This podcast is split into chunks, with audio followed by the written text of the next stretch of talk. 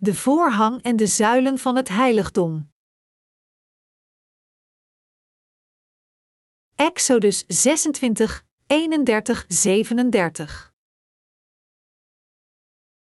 Daarna zult gij een voorhang maken van hemelsblauw en purper en scharlaken en fijn getweerd linnen. Van het allerkunstelijkste werk zal men dien maken, met gerubim.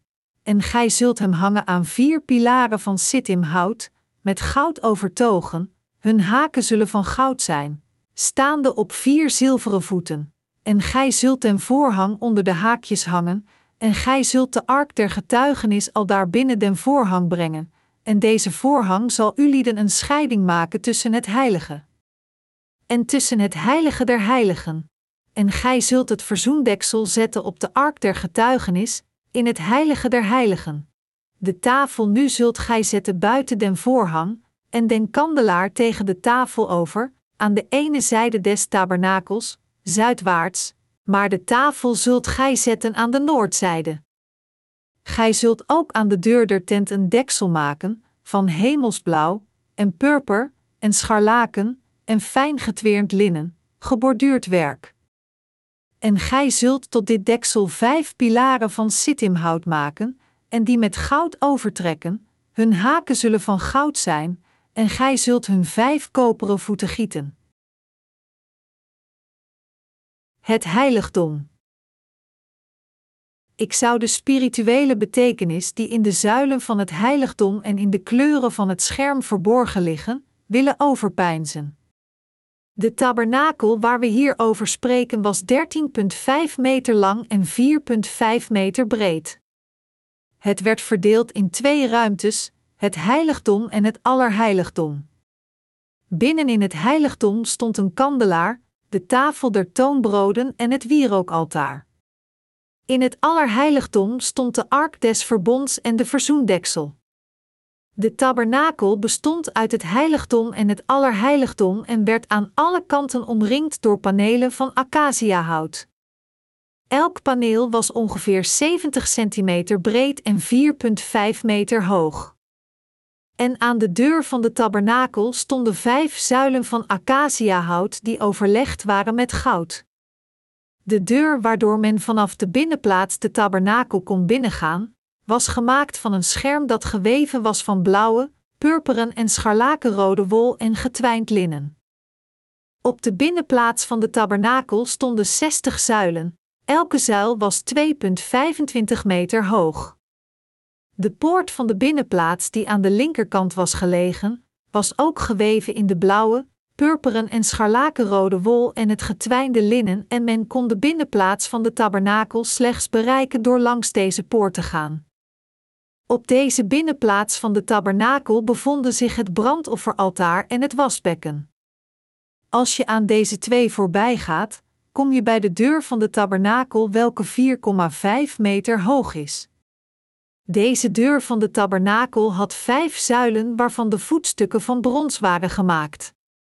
Net zoals de poort van de voorhof van de tabernakel was de deur van de tabernakel ook gemaakt van een scherm dat geweven was van blauwe, purperen en scharlakenrode wol en getwijnd linnen. Het hing aan de gouden haken die bovenop de vijf zuilen waren geplaatst. Dit scherm verdeelde de binnenkant en de buitenkant van de tabernakel. We moeten eerst letten op de zuilen van de deur van de tabernakel. De vijf zuilen van de deur van de tabernakel waren 4,5 meter hoog. Op deze zuilen werd een scherm geplaatst dat geweven was van vier soorten garen in de kleuren blauw, purper en scharlakenrood en getwijnd linnen. Laten we ons eerst concentreren op het feit dat de vijf zuilen van de deur van de tabernakel 4,5 meter hoog waren. Wat betekent dit? Dit betekent dat God zelf een groot offer bracht opdat onze zonden zouden worden uitgewist en opdat wij zijn kinderen zouden kunnen worden omdat u en ik in werkelijkheid ontoereikende en zwakke wezens zijn, begaan wij vele overtredingen in dit leven. Omdat u en ik de vreselijkste zondaars zijn die het niet kunnen laten om op elk moment in deze wereld een zonde te begaan, hebben wij vele onvolkomenheden en begaan wij vele overtredingen. Deze zuilen van de deur van de tabernakel tonen ons dat God zijn enige zoon, Jezus Christus, heeft opgeofferd om ons te verlossen van deze onvolkomenheden en overtredingen. Hij betaalde voor onze eigen zonden en daarmee heeft Hij ons inderdaad gered van alle zonden der wereld. Met andere woorden, Jezus Christus heeft voor God zijn eigen lichaam geofferd voor onze onvolkomenheden en zonden van deze wereld. Hij heeft onze schulden meer dan voldoende afgelost, en daarmee heeft Hij ons gered. Indien een persoon een overtreding beging en ongewild zondigde met betrekking tot de heilige dingen van de Heer, dan moest deze persoon een ram als zondeoffer brengen. Hij moest een vijfde van de waarde toevoegen en dit aan de priesters geven, Leviticus 5, 15, 16. Dit wil zeggen dat Jezus Christus zichzelf opgaf om ons van onze zonde te redden. Hiermee heeft Hij de schuld van onze zonde meer van voldoende afgelost. Onze Heer kwam naar deze aarde om al onze zonden uit te wissen. Hij offerde zichzelf op en daarmee werd Hij het zondeoffer voor al onze zonden.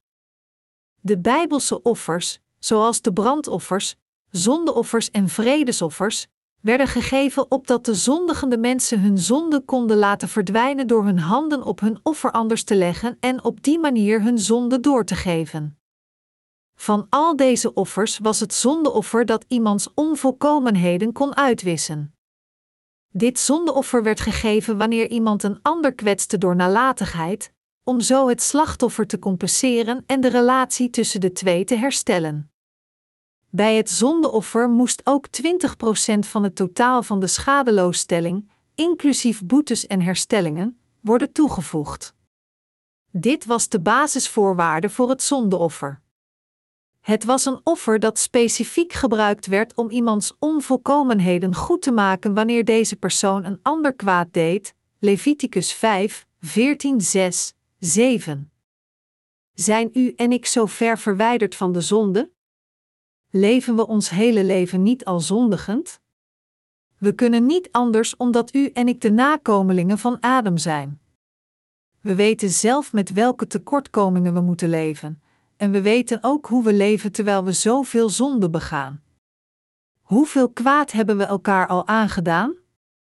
En hoeveel kwaad hebben we God al aangedaan? Slechts omdat we te traag van begrip en ontoereikend zijn dat we dit kwaad vaak vergeten tijdens ons leven. Maar wij kunnen niet anders dan in Gods aanwezigheid erkennen dat we zoveel overtredingen ten opzichte van elkaar en van God begaan hebben, dat we voor Hem niets anders zijn dan zondaars. Om zulke zondaars van al hun zonden te verlossen, wilde God Jezus Christus sturen als hun zondeoffer. God heeft ons de gave van de verlossing geschonken door Jezus Christus de veroordeling van onze zonden op zich te laten nemen met de prijs van zijn offer. Toen God de Vader zijn Zoon naar deze aarde stuurde en hem liet dopen en kruisigen om onze zonden te vergeven en zodat wij zijn eigen volk zouden worden, hoe zouden wij ons dan ooit kunnen vergelijken met de kostbaarheid van dit offer? Om ons zondaars te verlossen van al onze zonden werd onze Heer geofferd om de schuld voor onze zonden te betalen. Hiermee heeft Hij ons van alle zonden van de wereld gered. Wat zou dit anders kunnen zijn dan Gods wonderbaarlijke genade? Hoe diep, breed en hoog is Gods liefde? Het feit dat de zuilen van de deur van de tabernakel 4,5 meter hoog zijn, vertelt ons iets over Gods liefde voor ons, welke gegeven is door Jezus Christus. Onze Heer heeft ons gered door zichzelf op te offeren. Hij redde ons, waardeloze entiteiten, van de verdoemenis van de zonde, ik dank Hem voor deze waarheid. Zonder Hem gingen we naar de hel om te boeten voor onze zonden. De Heer heeft Zijn eigen lichaam gegeven om ons te redden van onze zonden. Hoe zouden we Hem dan niet kunnen bedanken? We danken Hem.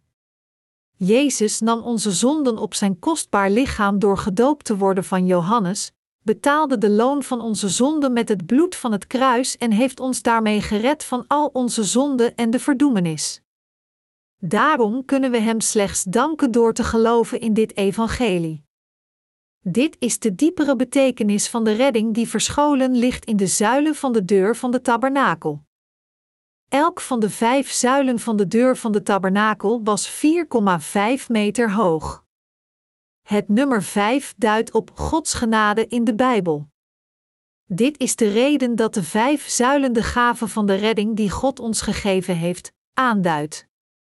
Door ons lief te hebben en ons te kleden in Zijn liefde van de zaligheid, heeft God ons alles gegeven om Zijn eigen volk te worden.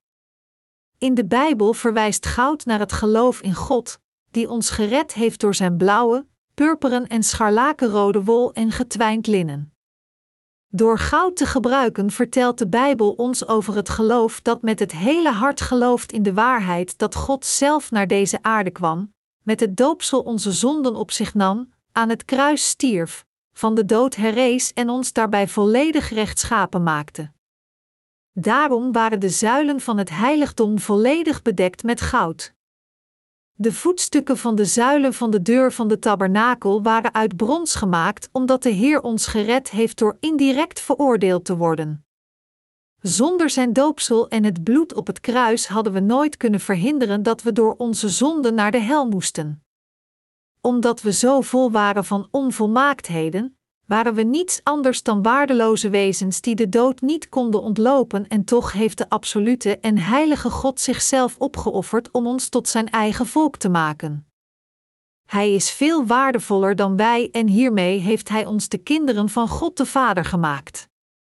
Daarom verwijst goud naar het geloof in deze waarheid. Zo moeten we dus de kleuren van de deur van de tabernakel interpreteren en erover nadenken, ervoor danken en erin geloven in de kern van ons hart. De bronzen voetstukken van de zuilen van de tabernakel. In de tabernakel waren slechts de voetstukken van de zuilen van de deur uit brons vervaardigd. Dit betekent dat u en ik op deze aarde veel zonden hebben begaan tegen elkaar en tegen God en dat we slechts voor deze zonde veroordeeld kunnen worden. De waarheid die verscholen ligt in deze bronzen voetstukken doet ons denken aan het brandofferaltaar. Het eerste wat zondaars tegenkwamen wanneer zij de voorhof van de tabernakel binnenkwamen door de poort, was dit altaar waar brandoffers werden aangeboden. Het woord altaar wordt hier gebruikt in de betekenis van opstijgen. Het brandofferaltaar verwijst hier naar niets anders dan de waarheid dat Jezus Christus gedoopt is en daarna geofferd aan het kruis in de plaats van ons zondaars. Het brandofferaltaar was de plaats waar de offers die de zonden op zich hadden genomen door het opleggen van handen gedood werden als straf voor deze zonden. Priesters goten het bloed van deze offers op de horens van het brandofferaltaar. De restant van het bloed goten ze op de grond onder het altaar en het vlees werd op het altaar verbrand. Het was de plaats van de dood waar de offers die de zonde op zich namen, werden gedood. Het brandofferaltaar stond tussen de poort van de voorhof van de tabernakel en de tabernakel zelf. Zo moest iedereen die de tabernakel wenste te betreden eerst langs dit brandofferaltaar gaan. Het was onmogelijk de tabernakel binnen te gaan zonder eerst door het brandofferaltaar te gaan. Het spreekt vanzelf dat het brandofferaltaar de exacte voorspiegeling is van het doopsel van Jezus Christus en het kruis. En de onrechtvaardigheden van alle zondaars die voor God verschijnen, worden vergeven door het doopsel van onze Heer en het kruis. Als een zondaar niet eerst zijn zonde naar het brandofferaltaar brengt en ervoor gaat stilstaan, zich er niet van zou vergewissen dat de offers hem van zijn zonden zouden verlossen door hun opofferingsbloed op deze plaats te vergieten. Door het opleggen van handen hebben de offers de zonde op zich genomen, kan hij nooit voor God verschijnen. Dit geloof is de weg om voor God te verschijnen en tegelijkertijd leidt dit ons naar de zegens van de vergeving van onze zonden en het kwijtschelden van de straf voor onze zonden, namelijk ervoor te sterven. Wanneer de Israëlieten een offer brachten ter vergeving van hun zonden, legden zij eerst de handen op de kop van het offer zodat het hun zonden op zich zou nemen. Daarna doden ze het en vingen het offerbloed op. Ze goten dit bloed op de horens van het brandofferaltaar en goten de rest ervan op de grond aan de voet van het altaar. De grond onder het brandofferaltaar was aarde. Aarde verwijst hier aan het hart van de mensen. Dit vertelt ons dus dat de zondaars verlost worden van hun zonde door met hun hele hart te geloven dat het offer hun zonden heeft overgenomen en in hun plaats gestorven is, dit alles in overeenstemming met de wet van de zaligheid. De hoorns van het brandofferaltaar vertellen ons over de zonden die spiritueel neergeschreven staan in het boek des oordeels. De zondaars uit de tijd van het Oude Testament konden hun zonde kwijtschelden door in het feit te geloven dat wanneer zij hun handen op de kop van het offer legden, ze daarmee hun zonde doorgaven en dat het bloed van dit offer gegoten werd en gegeven werd aan het brandofferaltaar. Indien er geen opleggen van handen, dood en het verbranden van het offer geweest zou zijn waarmee het mogelijk werd dat de zondaars zondevrij werden, dan zou de weg naar God voor hen volledig geblokkeerd zijn geweest en zouden ze niet langer voor de heilige God kunnen verschijnen. Er was dus geen andere waarheid dan dit offersysteem dat hen de mogelijkheid verschafte voor God te verschijnen. Dit wil zeggen dat we zonder ons geloof in het doopsel van Jezus Christus, zijn dood en zijn verzoenoffer op geen enkel moment kunnen worden verlost van onze zonden en dat we voor God kunnen verschijnen. Ook al brachten de Israëlieten het mooiste, meest perfecte, schattigste en meest onbezoedelde lam mee naar de priesters, als ze hun handen niet op de kop hadden gelegd om daarmee hun zonde door te geven, het lam niet had gebloed en het niet was gestorven, dan zou dit geen enkel effect hebben gehad. Als het op ons geloof aankomt en we niet geloven dat het doopsel dat Jezus Christus van Johannes heeft gekregen en het waardevolle bloed dat Hij aan het kruis heeft vergoten, ons heeft verlost van al onze zonden, dan kunnen we niet zeggen dat we de volmaakte verlossing van onze zonden hebben gekregen. Jezus' doopsel en zijn dood aan het kruis staan duidelijk tussen de zondaars en God de Vader. Het zijn de twee factoren geworden die bemiddelen tussen de zondaars en hun ongerechtigheden. Het brandofferaltaar is een model dat het plan van de zaligmaking bevat dat de Almachtige God in de hemel heeft opgesteld en dat Hij heeft volbracht in Jezus Christus. Mozes bouwde de tabernakel volgens de methode van de zaligmaking en volgens het patroon dat God hem getoond had op de berg Sinai. In de Bijbel zien we dat deze instructies meermaals werden gegeven. Zoals in Exodus 25, 40, zie dan toe, dat gij het maakt naar hun voorbeeld, het welk u op den berg getoond is. De mensen konden wel een kruis maken en Jezus Christus eraan hangen, maar verder konden zij niets anders doen. Zij konden zijn handen vastbinden en hem naar Golgotha slepen. Ze hebben hem gekruisigd, maar ze wisten niet wat ze deden in Gods aanwezigheid. De zondaars konden dit allemaal doen omdat deze vervuld dienden te worden volgens de voorzienigheid die God reeds gepland had. Het is echter Jezus Christus die alle zondaars voor eens en voor altijd gered heeft door zijn doopsel en door het bloed aan het kruis. En door gedoopt te worden van Johannes de Doper nam hij alle zonden op zich en alle zonden werden in één keer weggewassen. Dus naast de dood van de Heer Jezus Christus aan het kruis was het doopsel dat hij kreeg van Johannes het belangrijkste element dat nodig is voor onze redding. God heeft reeds voor de schepping bepaald dat hij de zonden en de veroordeling zou dragen. In Johannes 3 vertelt Jezus aan Nicodemus dat dit het evangelie is van het water en de geest. Daarom is het doopsel van Jezus en het kruis Gods geplande en reeds vooraf bepaalde voorzienigheid in Jezus Christus. Jezus zelf zei: Want al zo lief heeft God de wereld gehad, dat Hij zijn enige geboren zoon gegeven heeft, opdat een iegelijk die in Hem gelooft, niet verderven, maar het eeuwige leven hebben. Johannes 3 uur 16. Over het doopsel van Jezus zei Petrus het volgende, waarvan het tegenbeeld, de doop, ons nu ook behoudt, 1 Petrus 3 uur 21. In het boek Handelingen staat ook, deze, door den bepaalde raad en voorkennis Gods overgegeven zijnde, hebt gij genomen, en door de handen der onrechtvaardigen aan het kruis gehecht en gedood, Handelingen 2 uur 23. Het doopsel dat Jezus kreeg en het bloed aan het kruis werden allebei vervuld door het voornemen en plan van de Almachtige God. Omdat dus niemand Gods koninkrijk kan betreden zonder deze waarheid in hun hart te accepteren en erin te geloven, moeten we beseffen dat God vertrouwen van ons verlangt en dat we dat dan ook moeten hebben. Zonder het geloof in het evangelie van het water en de geest kan niemand gered worden.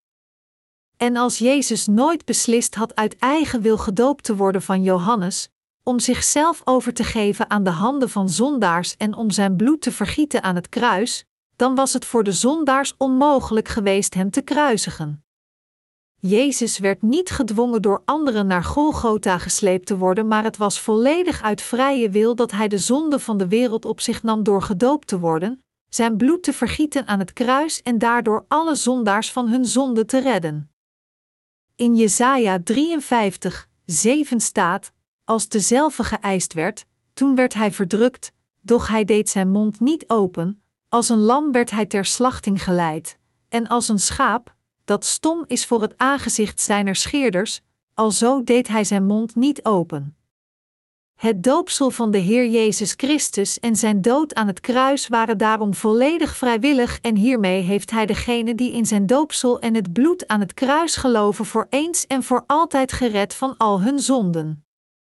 Over deze werken van de Heer schreef de schrijver van het boek van Hebreeën het volgende: Maar nu is hij eenmaal in de voleinding der eeuwen geopenbaard, om de zonde te niet te doen, door zijn zelfs offerande, Hebreeën 9 uur 26. We kunnen werkelijk getuigen van de spirituele gave van de hemelse redding in het brandofferaltaar dat ons de voorbode toont van het doopsel van Christus en zijn dood aan het kruis. De dood van het offer aan het brandofferaltaar betekende niets minder dan het doopsel en de dood van Jezus dat noodzakelijk was voor ieder zonden.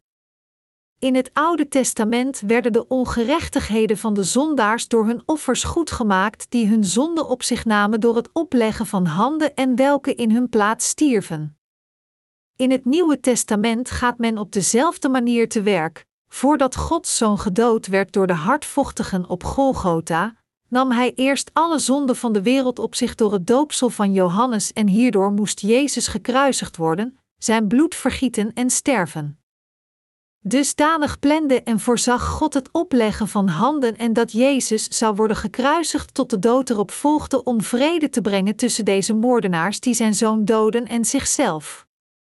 God plande de wet van de zaligmaking zo dat ze bestond uit het opleggen van handen en de dood, en volgens deze wet stond hij de Israëlieten toe verlost te worden van hun zonde door hem offers te brengen. Met andere woorden, God werd zelf het zoenoffer, slechts om zondaars te redden. Hoe onmetelijk diep, wijs en rechtvaardig is Gods redding toch? Zijn wijsheid en waarheid zijn ongelooflijk wonderbaarlijk en simpelweg ondoorgrondelijk voor ons.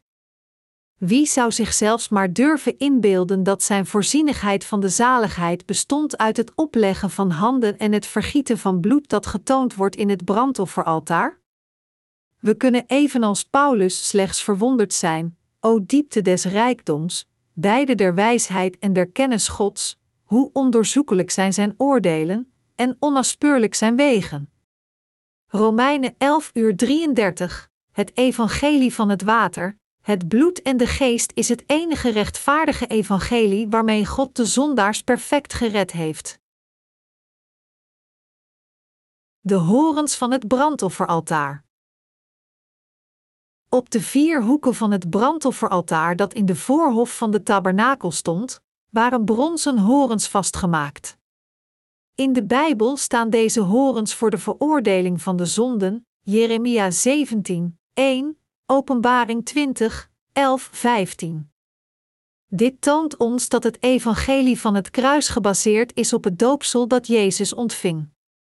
Om die reden schreef de apostel Paulus: want ik schaam mij des evangelies van Christus niet, want het is een kracht Gods tot zaligheid en iegelijk, die gelooft, Romeinen 1 uur 16. In 1 Korintiërs 1 uur 18 staat geschreven, want het woord des kruises is wel dengenen, die verloren gaan, dwaasheid, maar ons, die behouden worden, is het een kracht Gods. Deze horens van het brandofferaltaar verklaren duidelijk dat Gods rechtvaardige oordeel en redding volledig vervuld zijn door zijn doopsel, zijn dood aan het kruis en zijn herrijzenis. De twee palen in de ringen van het altaar van de brandoffers. Alle gebruiksvoorwerpen van de tabernakel dat gebouwd was in de woestijn waren verplaatsbaar. Deze methode paste bij het nomadenbestaan van de Israëlieten. Zij moesten rondzwerven in de wildernis tot ze zich konden vestigen in het land van Canaan. Omdat hun pelgrimsleven doorging terwijl ze door de wildernis trokken, liet God hen twee palen vervaardigen die ze door het brandofferaltaar konden haken, zodat hun priesters het altaar konden verplaatsen als de Israëlieten werden doorgestuurd door God. Zoals er staat in Exodus 27, 6, 7: Gij zult ook handbomen maken tot het altaar, handbomen van sittimhout, en gij zult ze met koper overtrekken. En de handbomen zullen in de ringen gedaan worden, alzo dat de handbomen zijn aan beide zijden des altaars, als men het draagt. Wanneer de twee palen door de vier bronzen ringen aan de twee zijden van het brandofferaltaar werden geplaatst, konden de Levieten het altaar op hun schouders nemen en het transporteren als de Israëlieten rondtrokken. Het brandofferaltaar openbaart het doopsel van Christus en het kruis. Dus als de Levieten het brandofferaltaar met de twee palen door de woestijn droegen, werd het evangelie van zijn doopsel en het kruis ook over de hele woestijn van deze wereld verspreid door zijn dienaren. Een andere kwestie die we moeten onderzoeken voordat we verder gaan, is het feit dat er twee palen zijn waarmee de Israëlieten het brandofferaltaar konden verplaatsen. Het evangelie van het water en de geest is ook opgebouwd uit twee delen. Het ene deel is het doopsel dat Christus ontving van Johannes, het andere deel is de straf die de Heer Jezus Christus onderging aan het kruis. Wanneer deze twee delen verenigd zijn, is de vrijwaring van zonde compleet. Het brandofferaltaar had twee palen. Anders gezegd, het had handvaten. Eén paal was niet genoeg, want met één paal kon het altaar niet in evenwicht gehouden worden tijdens het rondtrekken. Het evangelie van het water en de geest is ook opgebouwd uit twee delen. Deze delen zijn het doopsel dat Jezus Christus van Johannes ontving en zijn bloed vergieten aan het kruis. Met andere woorden, het doopsel van Jezus en zijn dood aan het kruis zijn beide aanvullende elementen die samen de rechtvaardige waarheid vormen. Het doopsel en het bloed van Jezus hebben op een rechtvaardige manier de verlossing van zonde voor de zondaars voltooid. Wanneer een van deze twee elementen, het doopsel van Jezus en zijn dood aan het kruis, genegeerd wordt, is dat hetzelfde als dat men het andere element negeert. Er kan geen verlossing plaatsvinden zonder het doopsel van Christus en zijn bloed vergieten. Zijn herrijzenis is natuurlijk ook belangrijk. Zonder de herrijzenis van Christus zou zijn dood voor niets zijn geweest en zou er geen resultaat geweest zijn. Als we slechts in een dode Christus geloven, dan zou hij niet in staat zijn om iemand te redden, zelfs niet zichzelf. Maar Christus die gedoopt werd, die aan het kruis doodbloedde en die de dood overwon door weer tot leven te komen, is de werkelijke verlosser geworden voor hen die geloven in het evangelie van het water en de geest en die in Gods aanwezigheid komen. En Hij is ook hun eeuwige Heer van de verlossing en beschermer geworden.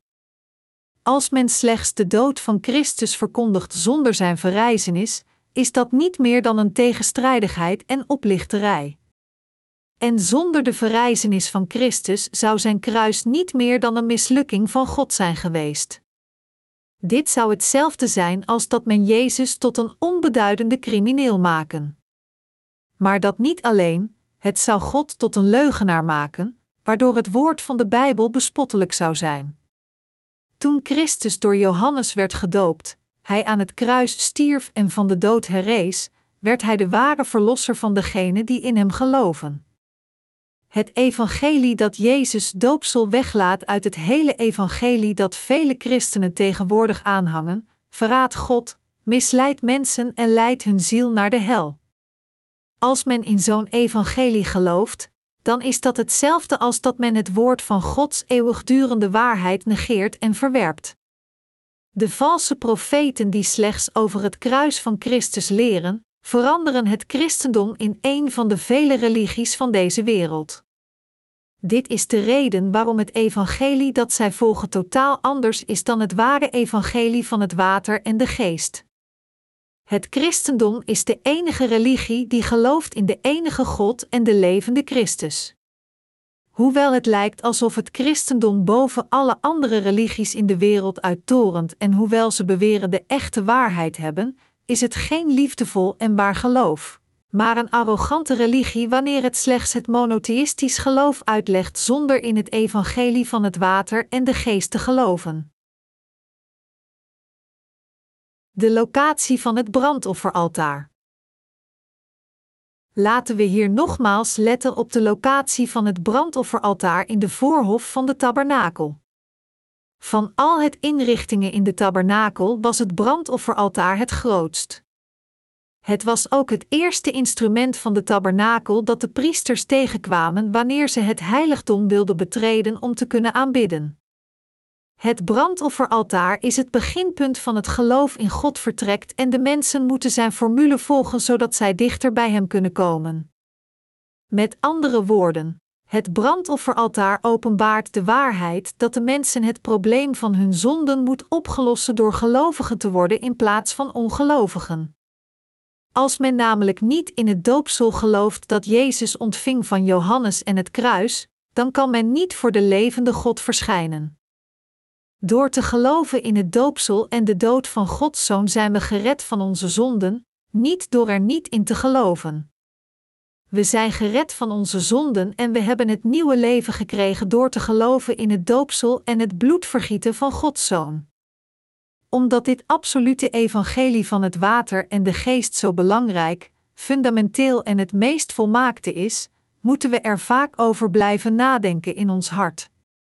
We moeten dit evangelie erkennen en erin geloven. We moeten met ons hart geloven dat we alle voorbestemd waren om naar de hel te gaan en we moeten ook geloven dat, samen met dit geloof, de Heer al onze zonden op zich heeft genomen door gedoopt te worden en dat Hij de veroordeling ervoor heeft ondergaan door zijn bloed te vergieten aan het kruis.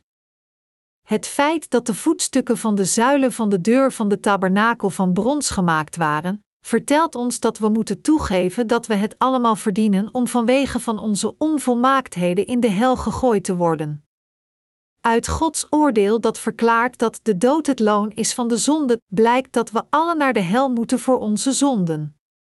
Maar onze Heer is geïncarneerd en naar deze aarde gekomen, nam alle zonden van de mensheid op zijn eigen lichaam door het doopsel te ontvangen, droeg ze naar het kruis en werd veroordeeld door zijn bloed te vergieten om zulke lage wezens als ons mensen, die werkelijk naar de hel moeten gaan, te redden. Zo heeft Hij u en mij op perfecte wijze gered van onze zonden en de veroordeling.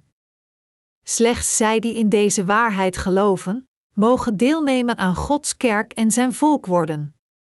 Het scherm en de zuilen van de deur van de tabernakel tonen ons dat slechts zij die dit geloof bezitten, Gods volk kunnen worden en zijn koninkrijk kunnen betreden. We moeten geloven in de waarheid die verscholen ligt in de vier kleuren van de voorhang van de deur van de tabernakel. Gelooft u dat de Heer ons gered heeft door naar deze aarde te komen met behulp van zijn diensten van de blauwe, purperen en scharlakenrode wol en het witte, fijn getwijnde linnen? De purperen wol betekent dat Jezus zelf God is, de blauwe wol dat Jezus, God zelf, een man werd en onze zonden op zich nam door op deze aarde gedoopt te worden, en de rode wol betekent dat Jezus Christus, die al onze zonden accepteerde, zijn waardevol lichaam offerde door gekruisigd te worden. Het is van levensbelang dat we geloven dat de gedoopte en gekruisigde Jezus van de dood herrees en ons daarmee op perfecte manier gered heeft. Slechts degenen die deze waarheid werkelijk geloven, kunnen de werkers worden van Gods kerk. De zuilen van de deur van de tabernakel verwijzen naar werkers. Ze tonen ons dat slechts zij die op deze manier gelovig zijn, Gods volk zijn en dat slechts zo'n mensen door God kunnen worden gebruikt als zijn werkers en steunpilaren. Het witte, fijn getwijnde linnen vertelt ons dat de rechtvaardigen, zij die Gods volk zijn geworden, degenen zijn die werkelijk vrij zijn van zonde in hun hart. De rechtvaardigen zijn degenen die verlost werden van al hun zonden door te geloven in de waarheid van de blauwe, purperen en scharlakenrode wol en het getwijnde linnen. Onze Heer kwam naar deze aarde en heeft alle zondaars gered door het doopsel dat hij kreeg van Johannes en door het bloed aan het kruis. Aangezien de Heer ons gered heeft door zijn eigen waardevolle leven te offeren, kunnen we niet anders dan in Hem te geloven die kwam door water en bloed. 1 Johannes 5, 6. De purperen wol verwijst naar het feit dat Jezus de koning der koningen is. We moeten dus geloven dat de Heer ons gered heeft, ons, de lage wezens vol onvolmaaktheden. Hij deed dit door zijn waardevol leven op te geven. Dankzij hem werden wij Gods volk. We kunnen nu alle tot de zondeloze rechtvaardige behoren als we met heel ons hart in deze waarheid geloven, dan is ons geloof de perfecte redding.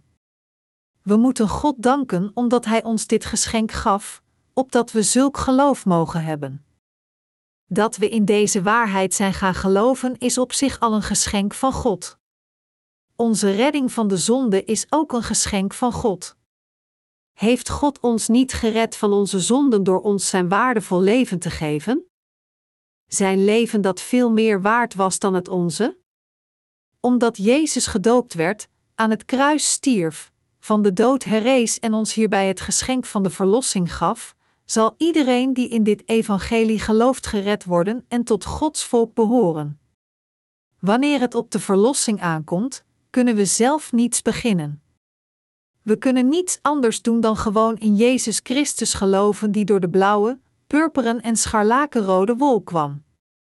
Deze redding is Gods geschenk aan ons.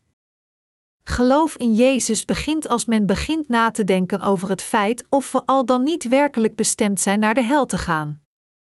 Waarom? Als we namelijk eerst onze zondige ware persoonlijkheid herkennen en toegeven dat die er is, kunnen we niet anders dan geloven dat Jezus het zondeoffer is voor onze zonden. Het feit dat we toch gered kunnen worden, ook al zijn we zondaars, is mogelijk gemaakt door de gave van redding die we van de Heer hebben gekregen toen Hij zichzelf in onze plaats opofferde. Zijn we gered door gewoon in Hem te geloven? Zijn we Gods volk geworden door ons geloof? Bezitten wij werkelijk dat soort geloof? Kunnen we bekennen dat onze verlossing een gave van God is en dat het niet door onze werken komt? Hebben we echt toegegeven dat we alle voorbestemd waren tot de hel als we niet geloofden in Gods gave van de verlossing? We moeten deze zaken nogmaals bestuderen. De tabernakel is een gedetailleerd portret van Jezus. De waarheid die in de tabernakel schuilt, verzegelt de monden van valse profeten. Hun bedrog komt uit wanneer we het woord van de tabernakel openen en hierover tegen hen spreken. De zuilen van de deur van de tabernakel waren alle overtrokken met goud. Dit toont ons dat nergens in de tabernakel een menselijk spoor te vinden is. Alles in de tabernakel was belegd met goud. De zuilen van de deur waren belegd met goud, en het dekleed boven de zuilen was ook belegd met goud. Maar toch waren de voetstukken van de zuilen van de deur uit brons vervaardigd. Dit wil zeggen dat u en ik noodzakelijkerwijs naar de hel moeten vanwege onze zonden en onvolmaaktheden. Is dit niet waar? Is dit niet echt het geval? Gelooft u echt dat u naar de hel moet vanwege uw dagelijkse zonden en onvolmaaktheden? Dat u naar de hel moest voor uw zonden, is een rechtvaardig oordeel van God.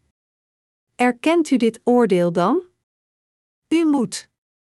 Dit is niet zomaar wat informatie, u moet het accepteren door erin te geloven.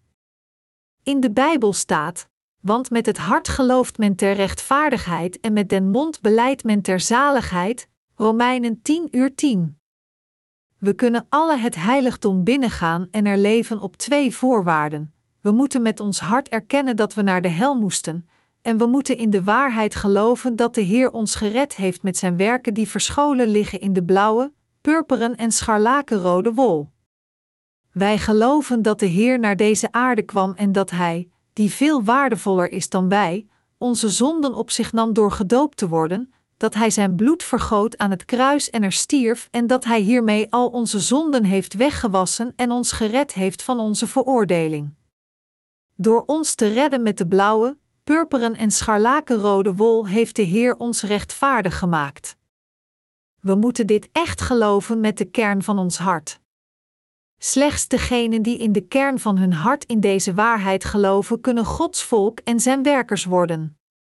Als men deze waarheid accepteert als niet meer dan een menselijke gedachte, dan is dat niet het ware geloof. Oh, dus dit is de betekenis van de tabernakel.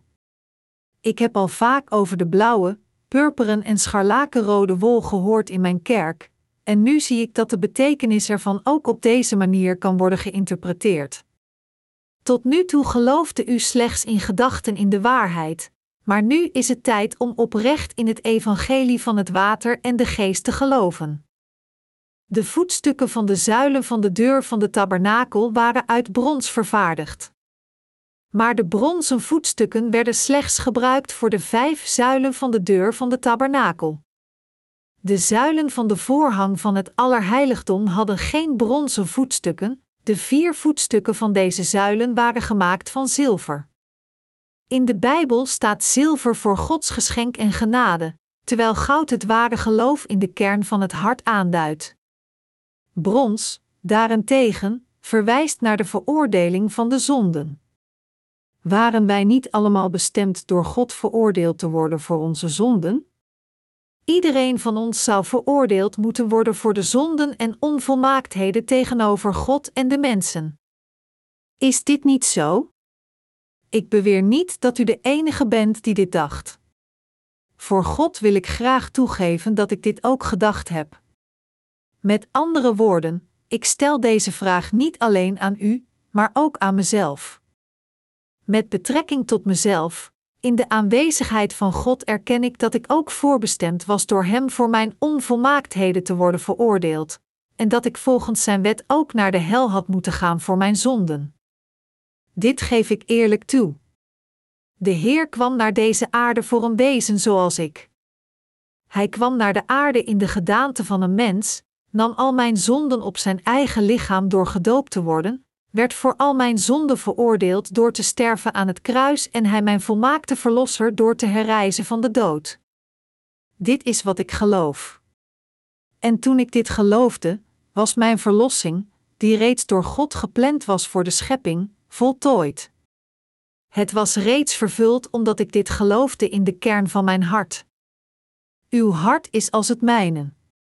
Door deze waarheid te geloven, is de verlossing die God in Jezus Christus voorzien had nog voor het ontstaan van deze wereld, ook vervuld in uw hart. Gods plan om u tot zijn volk te maken, wordt vervuld op het moment dat u met uw hele hart in dit plan gelooft. Door met uw hart te geloven dat de werkelijke verlossing in de kern van het hart plaatsvindt. De verlossing wordt niet behaald door vleeselijke gedachten. De verlossing komt ook niet door theologische doctrines. De verlossing komt eerder door te geloven in de waarheid. Deze verlossing was zelfs voor de schepping in Jezus Christus gepland. De verlossing is een gave die ons werd gegeven in Jezus Christus door zijn doopsel en het bloed aan het kruis. In feite vond deze verlossing zo'n 2000 jaar geleden plaats op deze aarde. Deze gave van de verlossing is er voor iedereen omdat Jezus Gods plan van de zaligmaking vervulde om ieders zonde uit te wissen. Zo komt het dat iedereen die met zijn hele hart in deze verlossing geloofde, Gods kinderen zijn geworden. Al hun zonden zijn uitgewist, ze zijn zo wit als sneeuw en ze hebben allemaal gratis de verlossing van hun zonde ontvangen. Toch zijn er veel mensen in deze wereld die nog niet verlost zijn van hun zonden. Wie zijn deze mensen? Het zijn degenen die niet in de waarheid geloven, ook al kennen ze die. Zij die in de kern van hun hart niet hebben toegegeven dat ze voorbestemd zijn naar de hel te moeten gaan, en zij die het evangelie van het water, het bloed en de geest niet erkennen, terwijl ze het wel kennen, hebben niets te maken met de Heer. Gods verlossing wordt slechts gegeven aan de mensen die hun eigen zondige aard kennen en die toegeven dat ze vanwege hun zonde voorbestemd waren om te worden veroordeeld en naar de hel te worden gestuurd. Waar waren de vijf pilaren van de voorhang van de tabernakel dat geweven was van blauwe, purperen en scharlakenrode wol en getwijnd linnen? Zij stonden op bronzen voetstukken. U en ik waren voorbestemd tot de hel vanwege onze zonden. Slechts wanneer we dit feit toegeven, kunnen we op basis van deze erkenning gered worden. Want God hield zo van de wereld, dat de Heer voor u en mij naar de aarde kwam, gedoopt werd door Johannes de Doper, zijn bloed aan het kruis vergoot en werd geofferd waarmee hij ons alle van onze zonden verloste. Daarom moeten u en ik werkelijk met ons hele hart in het evangelie van het water en de geest geloven. Minstens één keer moet ons hart toegeven dat ik werkelijk voortbestemd was tot de hel, maar dat de Heer me heeft verlost door het water en de geest. We moeten dan in onze harten geloven om verlost te worden. Zoals er staat in Romeinen 10 uur 10, want met het hart gelooft men ter rechtvaardigheid en met den mond beleidt men ter zaligheid. Diep in ons hart moeten we werkelijk in onze verlossing geloven en onze mond moet het beleiden. De Heer heeft me gered met de blauwe, purperen en scharlakenrode wol. Ik was voorbestemd om veroordeeld te worden en naar de hel te gaan, maar de Heer heeft voor mij al mijn zonden weggewassen. Hij heeft ze op zich genomen en in mijn plaats mijn veroordeling ondergaan en me daarmee volledig gered. Op volmaakte wijze heeft Hij me tot Gods kind gemaakt. Op deze manier moeten we met ons hele hart werkelijk in onze verlossing geloven en het met onze mond beleiden. Gelooft u? Wilt u misschien nog steeds niet toegeven dat u voorbestemd was om naar de hel te gaan, ook al gelooft u in de waarheid van de blauwe, purperen en scharlakenrode wol en ook al gelooft u dat de Heer ons op deze manier verlost heeft? In de Bijbel staat: Want zij hebben alle gezondigd en derven de heerlijkheid Gods, Romeinen 3 uur 23. Het ware geloof bestaat uit het geloof dat ondanks dat iedereen gezondigd heeft en daarom voorbestemd is tot de hel, de Heer naar deze aarde is gekomen, gedoopt werd, aan het kruis stierf, van de dood herrees en ons hierdoor alle rechtvaardig heeft gemaakt. Hoe wonderbaarlijk is deze verlossing? Is het niet gewoon prachtig? De tabernakel was niet zomaar op de een of andere manier gebouwd, het was gedetailleerd gebouwd volgens Gods woord. Door de tabernakel liet God ons op voorhand precies weten dat Hij ons zou redden door ons zijn waardevol leven te schenken. Hij vertelt ons aan de hand van de tabernakel dat Jezus ons een waardevolle verlossing heeft geschonken door gedoopt te worden en te sterven aan het kruis en wij moeten hierin geloven in de kern van ons hart. Wie kan u zaligheid geven ter wille van u?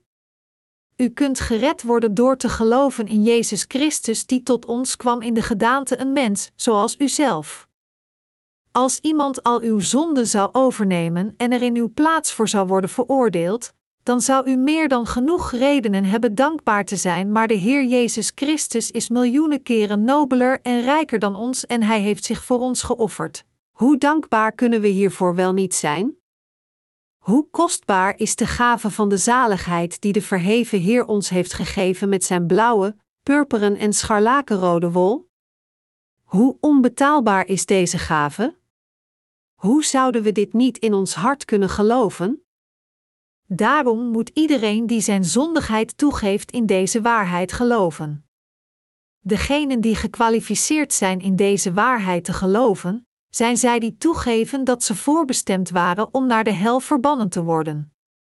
Slechts zij die toegeven dat ze in werkelijkheid zondaars zijn en dat ze echt naar de hel moeten, zijn gekwalificeerd om te geloven in Gods waardevolle verlossing en kunnen die verlossing dan ook krijgen door het geloof.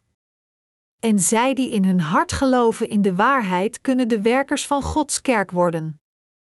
Wij zijn maar nederige wezens die niets hebben om over op te scheppen, ook al vergelijken we ons met degenen die beroemd zijn geworden in deze wereld met hun onbeduidende bekwaamheden.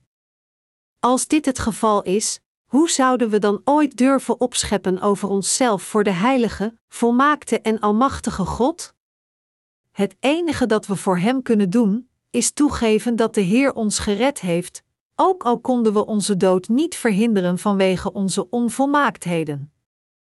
De Bijbel vertelt ons, want de bezoldiging der zonde is de dood, maar de genadegift Gods is het eeuwige leven, door Jezus Christus, onze Heere, Romeinen 6 uur 23. We moesten inderdaad de loon van de dood betalen vanwege onze zonden. Maar omdat onze Heer ons, die verdoemd waren tot de hel, gered heeft, kunnen we dankzij dit geloof de hemel binnengaan. Als we dit geloof buiten beschouwing laten, dan zijn we alle voor de honderdste keer voorbestemd tot de hel. Is dit niet het geval? Natuurlijk wel. We verdienen het allemaal om naar de hel gestuurd te worden. Maar omdat de verheven Heer met zijn onpeilbare liefde naar deze aarde kwam, gedoopt werd, zijn bloed vergoot en tot het kruis veroordeeld werd, zijn we nu kunnen ontsnappen aan onze zekere voorbestemming tot de hel. Omdat de Heer zijn kostbaar leven voor ons heeft opgegeven, hebben wij de verlossing van onze zonde ontvangen. Wanneer dit het geval is, hoe kunnen we dan niet geloven dat de Heer ons voor eens en voor altijd gered heeft van al onze zonden, en dat Hij ons daartoe de gave van de verlossing heeft gegeven? Hoe zouden wij kunnen weigeren rechtvaardig te worden? Hoe zou u hier niet in kunnen geloven? Net zoals de zuilen van de voorhang van de tabernakel volledig belegd waren met goud, zo moeten wij ook ons hart volledig bedekken in geloof. Wij moeten onszelf compleet en totaal met het geloof bedekken. Wij moeten in de kern van ons hart geloven in het evangelie van het water en de geest. Wij kunnen niet voor God staan zonder in de kern van ons hart te geloven in dit ware evangelie. Het is door te geloven dat we zondaars zouden kunnen worden, voorbestemd tot de hel. Door het geloof kunnen we ook rechtvaardig voor God staan. Het is dus door geloof dat zondaars verlost kunnen worden van hun zonden, door te geloven dat God ons gered heeft door zijn water en bloed. Dit is hoe het woord van onze Heer en gelijk het den mensen gezet is, eenmaal te sterven, en daarna het oordeel, Hebreeën 9 uur 27, in vervulling is gegaan. Wanneer we in deze wereld geboren waren, moesten we reeds voor onze zonde veroordeeld worden. God heeft ons echter het geschenk van de verlossing gegeven via onze Heer Jezus Christus. Door met de kern van ons hart in het evangelie van het water en de geest te geloven, konden wij Gods kinderen worden. God heeft zijn onvoorwaardelijke liefde van de verlossing geschonken aan alle gelovigen. Maar hij zal oordelen over hen die niet in dit evangelie geloven. Hij zal hen veroordelen voor hun zondige ongelovigheid. Johannes 3, 16, 18. We moeten geloven in deze twee feiten van de verlossing. Wij waren zondaars die voorbestemd waren om veroordeeld en gedood te worden voor onze zonden, maar door te geloven in de zaligheid van de blauwe, purperen en scharlakenrode wol en het getwijnde linnen dat God voor ons gepland had en dat Hij aan ons gegeven heeft, hebben we toch de verlossing van onze zonden ontvangen maar we moeten werkelijk toegeven aan God dat we werkelijk voorbestemd zijn tot de hel, en dat we ook geloven dat de Heer ons gered heeft door het water en het bloed. We moeten geloven in het evangelie van het water, het bloed en de geest. We moeten dus geloven in de blauwe, purperen en scharlakenrode wol en het getwijnde linnen. We zijn gered door diep in ons hart in deze waarheid te geloven. We zijn gered door in het evangelie te geloven. We zijn gered door in het evangelie van het water en de geest te geloven. Mensen kunnen slechts Gods eigen volk worden als ze geloven dat de Heer alle mensen die voorbestemd waren tot de hel, gered heeft door de blauwe, purperen en scharlakenrode wol en het getwijnde linnen. Gelooft u? Slechts het geloof in de blauwe, purperen en scharlakenrode wol en het getwijnde linnen is het ware geloof. Dit is de geestelijke betekenis die verscholen ligt in het geweven scherm van de deur van de tabernakel. Gelooft u? Wanneer mensen met heel hun hart in de waarheid geloven, kunnen zij op een correcte wijze over het ware geloof spreken. Het ware geloof bestaat niet alleen uit het verkondigen van de waarheid zonder er met hart en ziel in te geloven, maar het gaat erom zijn geloof te verkondigen en er in de kern van uw hart in te geloven. Iedereen moet geloven in de zaligheid van de blauwe, purperen en scharlakenrode wol en het getwijnde linnen dat u voor altijd gered heeft. We kunnen God nooit genoeg danken, hoe ijverig we Hem ook dienen. Hoe zouden we dan onze zaligheid kunnen vergeten? Hoe zouden we kunnen vergeten dat de Heer ons, die voorbestemd waren tot de hel, van al onze zonden gered heeft? Hoe zouden we het evangelie van het water en de geest kunnen vergeten terwijl onze onvolmaaktheden dagelijks geopenbaard worden? Hoe zouden we dit evangelie kunnen negeren als er geen andere manier is om gered te worden dan in dit evangelie te geloven? Wij zijn altijd dankbaar. Wij verheugen ons altijd. Wij kunnen niet anders dan Hem onophoudelijk eren. Zij die deze waarheid niet kennen, zeggen dat God de mens beschouwt als zijn speelgoed en dat Hij hen uitlacht. Terwijl ze zich tegen God verzetten, zeggen zij: God verveelt zich waarschijnlijk. Wij zijn zijn speelgoed en Hij speelt met ons. Hij weet dat we zonde zouden begaan, en toch kijkt Hij gewoon toe terwijl we zondigen. En nu zegt Hij dat Hij de zondaars gered heeft. Is Hij niet gewoon met ons aan het spelen? Hij maakt ons, en dan speelt Hij naar eigen goeddunken gewoon wat met ons. Beschouwt God ons dan niet als zijn speelgoed? Ontelbaar veel mensen denken zo. Zij hebben iets tegen God, zij zeggen dat als Hij werkelijk van hen zou houden, Hij ze perfect zou hebben gemaakt in plaats van onvolmaakte zondaars van hun te maken. Er zijn zoveel mensen die dom blijven voor Gods hart en met hun beschuldigende vingers in zijn richting wijzen. Wij zijn wezens die door God gemaakt zijn. Net zoals planten en dieren zijn mensen ook wezens die door God zijn gemaakt. Maar God maakte ons niet zoals de planten en de dieren. Zelfs voordat Hij ons schiep, had God reeds beslist ons tot Zijn eigen volk te maken in Jezus Christus, Zijn Zoon, en ons toe te staan deel te nemen aan Zijn glorie. Dit is de reden dat God ons creëerde. Het doel van de schepping van de mensen was anders dan dat van andere wezens. Met welk doel schiep God de mens dan?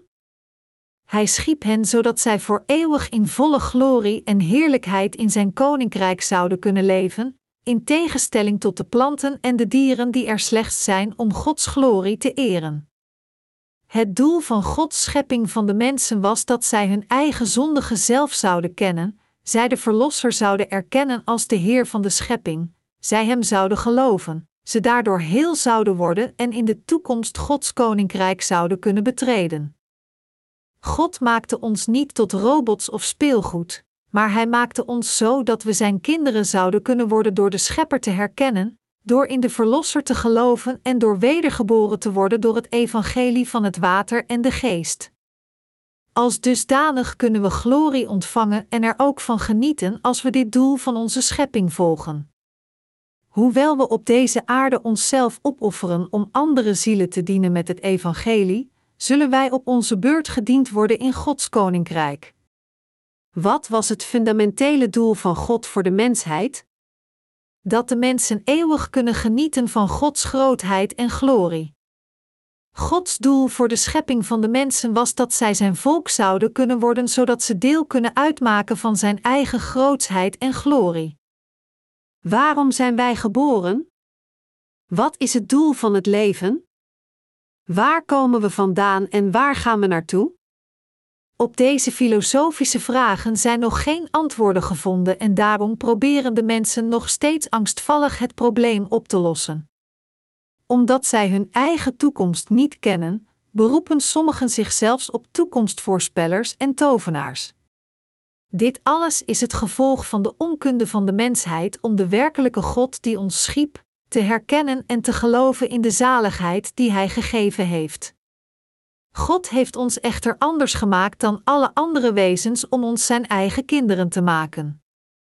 En Hij heeft ons gered door het water en de geest, door onze zaligheid reeds te plannen nog voor de schepping met de blauwe, purperen en scharlakenrode wol en het getwijnde linnen.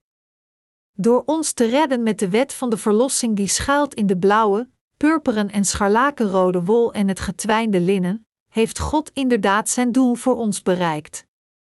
Daarom moeten we nu weten en geloven in dit doel van God om ons het eeuwige leven te geven in Jezus Christus. Als we dit niet weten, zal het mysterie van het leven voor altijd onopgelost blijven.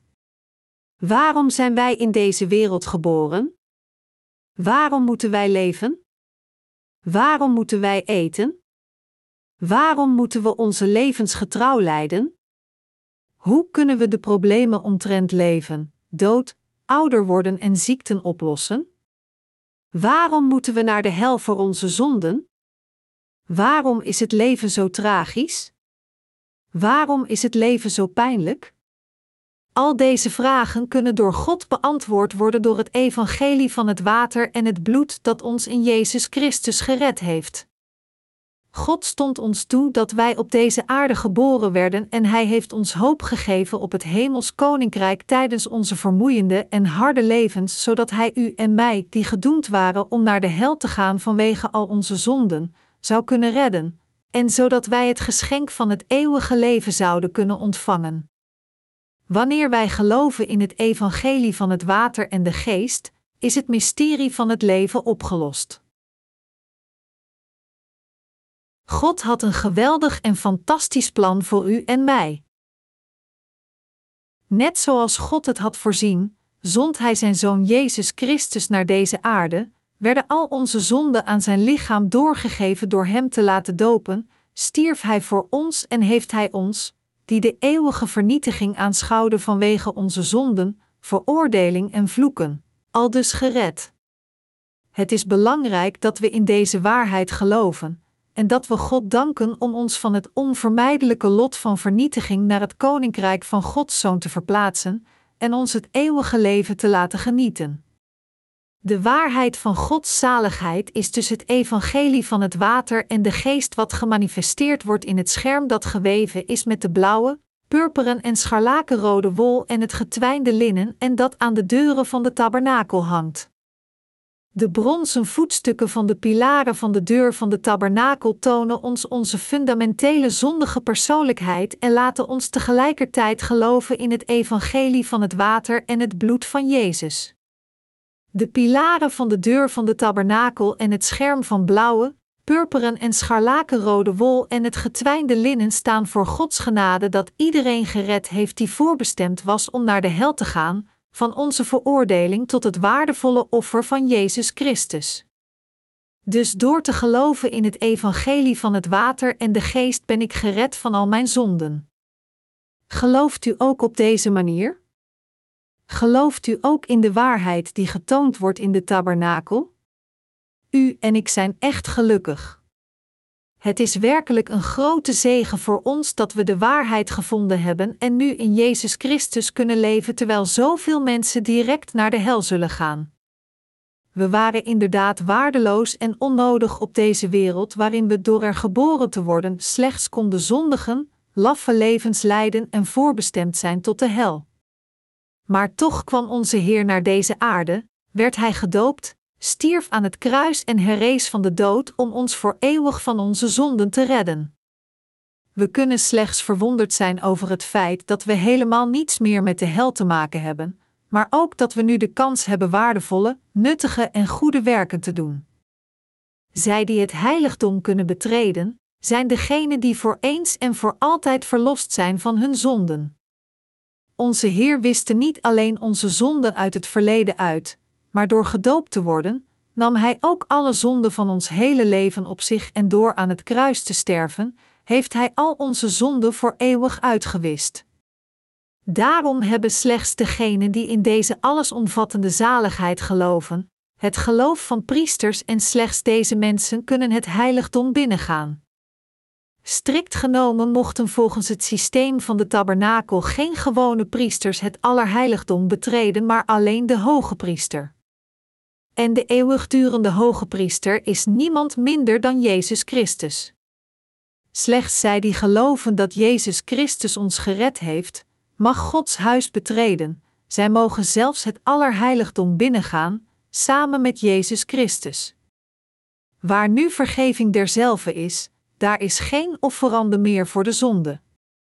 Dewijl wij dan, broeders, vrijmoedigheid hebben, om in te gaan in het heiligdom door het bloed van Jezus, op een versen en levende weg, welken Hij ons ingewijd heeft door het voorhangsel, dat is, door zijn vlees, en dewijl wij hebben een grote priester over het huis Gods, zo laat ons toegaan met een waarachtig hart, in volle verzekerdheid des geloofs, onze harten gereinigd zijnde van het kwaad geweten, en het lichaam gewassen zijnde met rein water. Hebreeën 10, 18, 22. Zij die zichzelf zien als slechte mensen die voorbestemd zijn tot de hel en die verlost worden van al hun zonden door gereinigd te worden met rein water, het doopsel van Jezus en het bloed van Jezus, kunnen Gods koninkrijk betreden om daar voor eeuwig met Hem te verblijven. We hebben onze zonden niet weggewassen omdat we dagelijks geboet hebben, maar ze zijn voor eeuwig uitgewist omdat de Heer naar deze aarde kwam, alle zonden van de wereld voor eens en voor altijd op zich nam door gedoopt en veroordeeld te worden tot het kruis. Want al dus betaamt ons alle gerechtigheid te vervullen. Jezus werd gedoopt en nam de zonde van de mensheid voor eens en voor altijd op zich, droeg de zonde van de wereld naar het kruis en stierf daar. Hij herrees van de dood en heeft ons al dus voor eens en voor altijd gered. Slechts zij die met de kern van hun hart in deze waarheid geloven, mogen het heiligdom betreden. Wij worden voor eens en voor altijd verlost van onze zonde door te geloven dat onze Heer ons alle tegelijkertijd gered heeft en dat Hij alle zonden van ons hele leven en van het hele universum heeft laten verdwijnen. Gelooft u dat de Heer al onze zonden voor eens en voor altijd op zich nam door gedoopt te worden? En gelooft u dat Hij de zonde van de wereld op zijn schouders droeg, dat Hij aan het kruis stierf, van de dood herrees en daarmee voor altijd onze perfecte Verlosser is geworden? Tijdens de 33 jaar van zijn leven heeft onze Heer alle zonden van de wereld voor altijd uitgewist. Hij heeft alle zonden laten verdwijnen, er bleef niets van over. Ik geloof dit diep in mijn hart. Ik geloof dat Hij alle zonden van de wereld voor altijd op zich nam toen Hij gedoopt werd, Hij de veroordeling van al mijn zonden onderging door Zijn bloed aan het kruis te vergieten en mijn volmaakte Verlosser is geworden door van de dood te herrijzen en voor eeuwig verder te leven. Ik ben verlost van al mijn zonden door dit geloof. We kunnen alle het hemels koninkrijk betreden door dit te geloven en terwijl we nog op deze aarde leven, moeten we dagelijks over dit geloof nadenken. Waarom? Omdat de Heer zelfs de zonde wegnam die we nog moesten begaan. Maar altijd als we zondigen, moeten we beleiden. En we moeten in de kern van ons hart geloven dat de Heer ook deze zonden op zich nam met zijn doopsel. We moeten erkennen dat de Heer alle zonden van de wereld heeft laten verdwijnen door weer te geloven. Waarom? Want als we niet steeds opnieuw over het evangelie van het water en de geest nadenken, zal ons hart ontheiligd worden. Omdat de Heer ook de zonde wegnam die we nog niet begaan hebben, moeten we Hem, altijd als onze zwakheden onthuld worden, danken met ons geloof in Zijn diensten van de blauwe, purperen en scharlakenrode wol. We moeten alle geloven dat de Heer naar deze aarde kwam en onze zonde in één keer op zich nam. In één enkele keer werden al onze zonden aan Jezus Christus doorgegeven, hij accepteerde alle zonden van de wereld met zijn doopsel. Omdat Jezus Christus ons de eeuwige zaligheid heeft gegeven door gedoopt te worden en door aan het kruis te sterven, moeten we vast en moedig in deze waarheid geloven. Onze Heer Jezus zei dat we met ons vaste geloof in zijn doopsel dat hij van Johannes kreeg, Gods koninkrijk konden nemen. Jezus zei: En van de dagen van Johannes den Doper tot nu toe, wordt het koninkrijk der hemelen geweld aangedaan, en de geweldigers nemen hetzelfde met geweld. Matthäus 11 uur 12. We zijn verlost van alle zonden en onvolmaaktheden van onze lichamen, gedachten, ideeën en vlees door hierin te geloven. We zijn gered van al onze zonden en kunnen we Gods koninkrijk in ontvangst nemen door te geloven dat onze Heer al deze zonden op zich nam met zijn doopsel en dat Hij alle veroordelingen van onze zonden met zich meedroeg. Het doet er niet toe hoe ontoereikend u ook bent, u behoort tot de gelovigen als u hierin gelooft. Ook al bent u ontoereikend, de Heer heeft ook u perfect gered en daarom moet u hierin geloven omdat onze Heer eeuwig leeft, is onze zaligheid ook eeuwigdurend. We hoeven slechts in onze zaligheid te geloven die we gekregen hebben van Jezus Christus. Inderdaad. We zijn gered door met ons hart in Hem te geloven. Omdat de Heer onze volmaakte Verlosser is, heeft Hij alle problemen van onze zonde opgelost. Gelooft u dat onze Heer gedoopt werd, zijn bloed aan het kruis vergoot, stierf, van de dood herrees en ons daarmee de eeuwige zaligheid schonk? Hoe wonderbaarlijk is deze zaligheid? Hoewel we in daden ontoereikend zijn, mogen we, als we in deze waarheid geloven, toch Gods koninkrijk betreden. Door geloof kunnen we Gods koninkrijk betreden en van Gods glorieuze majesteitelijkheid en grootsheid genieten. Zij die geloven in het evangelie van het water en de geest zijn gekwalificeerd om hiervan te genieten. Maar zonder dit geloof kunt u niet eens één voet in Gods koninkrijk zetten. De waarheid die ons gered heeft door de blauwe, purperen en scharlakenrode wol en het getwijnde linnen was reeds lang voor de schepping door God in Jezus Christus gepland. Toen God besloot ons te redden, kwam Hij naar deze wereld, werd gedoopt en heeft al onze zonden in een keer op zich genomen, droeg de zonden van de wereld naar het kruis en werd hiervoor voor eens en voor altijd veroordeeld. Hij stierf één keer, herrees één keer van de dood en schonk ons hierbij alle de eeuwige zaligheid. Onze zaligheid is gemaakt door zijn diensten van de blauwe, purperen en scharlakenrode wol en het getwijnde linnen en we moeten in deze zaligheid geloven. Slechts dan kunnen we op volmaakte wijze Gods volk worden door ons geloof. Slechts dan kunnen we door ons geloof Gods werkers worden. We zullen Gods volmaakte koninkrijk binnengaan en er eeuwig leven. De volmaakte God heeft ons op een volmaakte wijze gered, maar toch zijn we dagelijks ontoereikend, omdat ons lichaam ontoereikend is. Hoe komt dit? Toen de Heer volledig gedoopt werd, heeft Hij dan al onze zonden op zich genomen of niet? Natuurlijk heeft Hij dat gedaan. Omdat onze Heer onze zonde wegnam met zijn doopsel, moeten we erkennen dat al onze zonden inderdaad aan Hem werden doorgegeven met zijn doopsel. Erkent u dat uw zonden werkelijk aan Jezus werden doorgegeven? Hiermee heeft Jezus onze zonden en de zonden van de wereld naar het kruis gedragen, werd hij gekruisigd en vervulde daarmee volledig Gods plan om ons te redden. Hoewel we ontoereikend zijn, mogen we Gods koninkrijk binnen door geloof. Door te geloven in wat? We mogen Gods koninkrijk binnen door in zijn diensten van de blauwe, purperen en scharlakenrode wol en het getwijnde linnen te geloven. Na de ontvangst van de verlossing van de zonden zijn het de mensen die ontoereikend zijn die vast zijn in hun geloof en die het goed doen in de kerk. Gods kerk is geen plaats waar de sterken heersen, hier heersen de mensen die ontoereikend zijn met behulp van hun geloof. Waarom? Omdat we in Gods kerk de Heer slechts kunnen volgen door geloof, en dit kan slechts als we weten dat we ontoereikend zijn. Het is een plaats waar wonden worden verzorgd en geheeld. Als de hemel een plaats is waar een peuter zich zal vermaken over het hol van een adder, Jesaja 11, 8, zonder gebeten te worden, dan is het paradijs op deze aarde niets minder dan Gods kerk. Dit is het geweldige mysterie van Gods kerk. Door te geloven, kunnen we Gods koninkrijk betreden. De hevigheid van het vaste geloof kan het hemels koninkrijk nemen. Gelooft u met uw hart in deze waarheid? Ik geloof ook, en dat is de reden waarom ik God dank. En omdat ik God dankbaar ben, dien ik dit evangelie.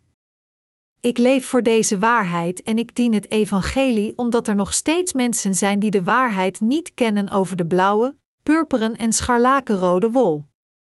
Maar behalve de vraag of anderen dit evangelie dienen of niet, wat is op dit moment nodig dat u er zelf in gaat geloven? Ik hoop en bid dat u alle in de waarheid gelooft dat Jezus u in één keer heeft gered van zonden, en dat u daarmee gered bent van al uw zonden.